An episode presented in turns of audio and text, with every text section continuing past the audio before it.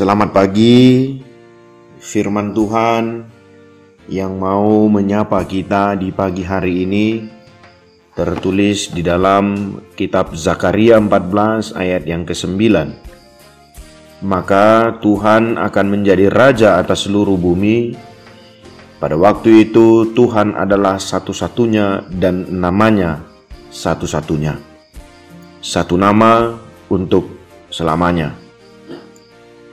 Nabi Zakaria menubuatkan akan datangnya hari kiamat di mana Yerusalem menjadi pusat dari segala yang ada pada waktu itu.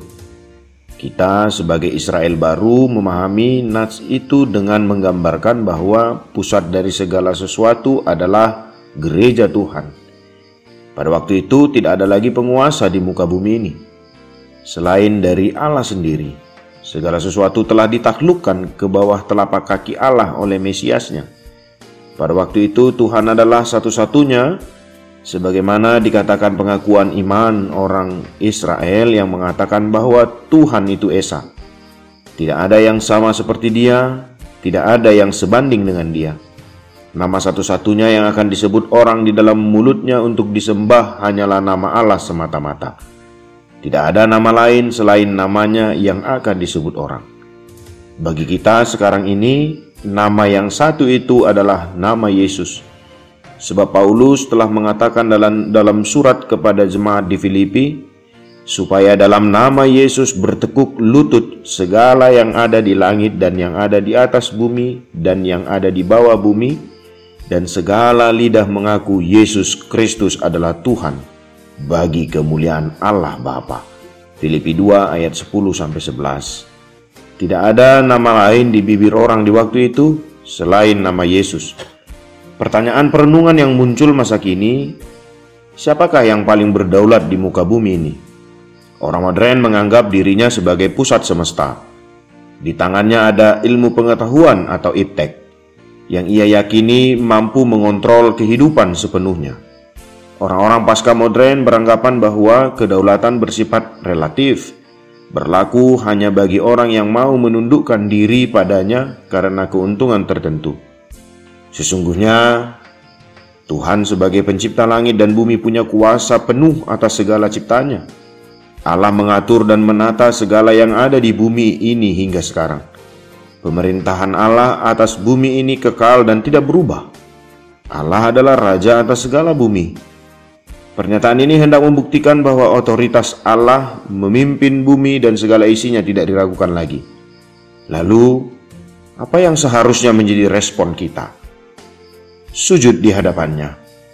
Jangan goyah terhadap guncangan apa pun yang mendera kita karena dia adalah batu karang yang teguh satu-satunya. Tidak ada yang lain. Dialah andalan semua orang yang menaruh harap dan percaya kepadanya. Sudahkah hari ini kita memberikan kehidupan yang seutuhnya kepada Tuhan Yesus Kristus? Kembalilah kepada firman Allah. Tuhan memberkati.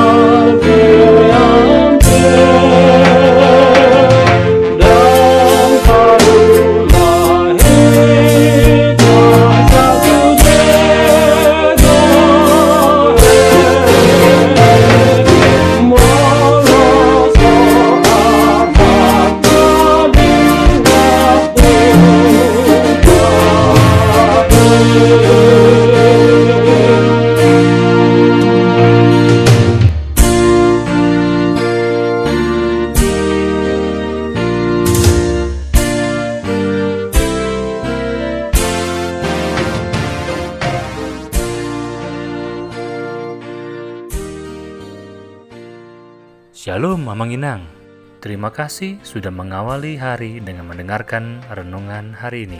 Yuk, bagikan renungan harian ini kepada keluarga kita. Sampai jumpa di renungan harian berikutnya, ya. Tuhan Yesus memberkati.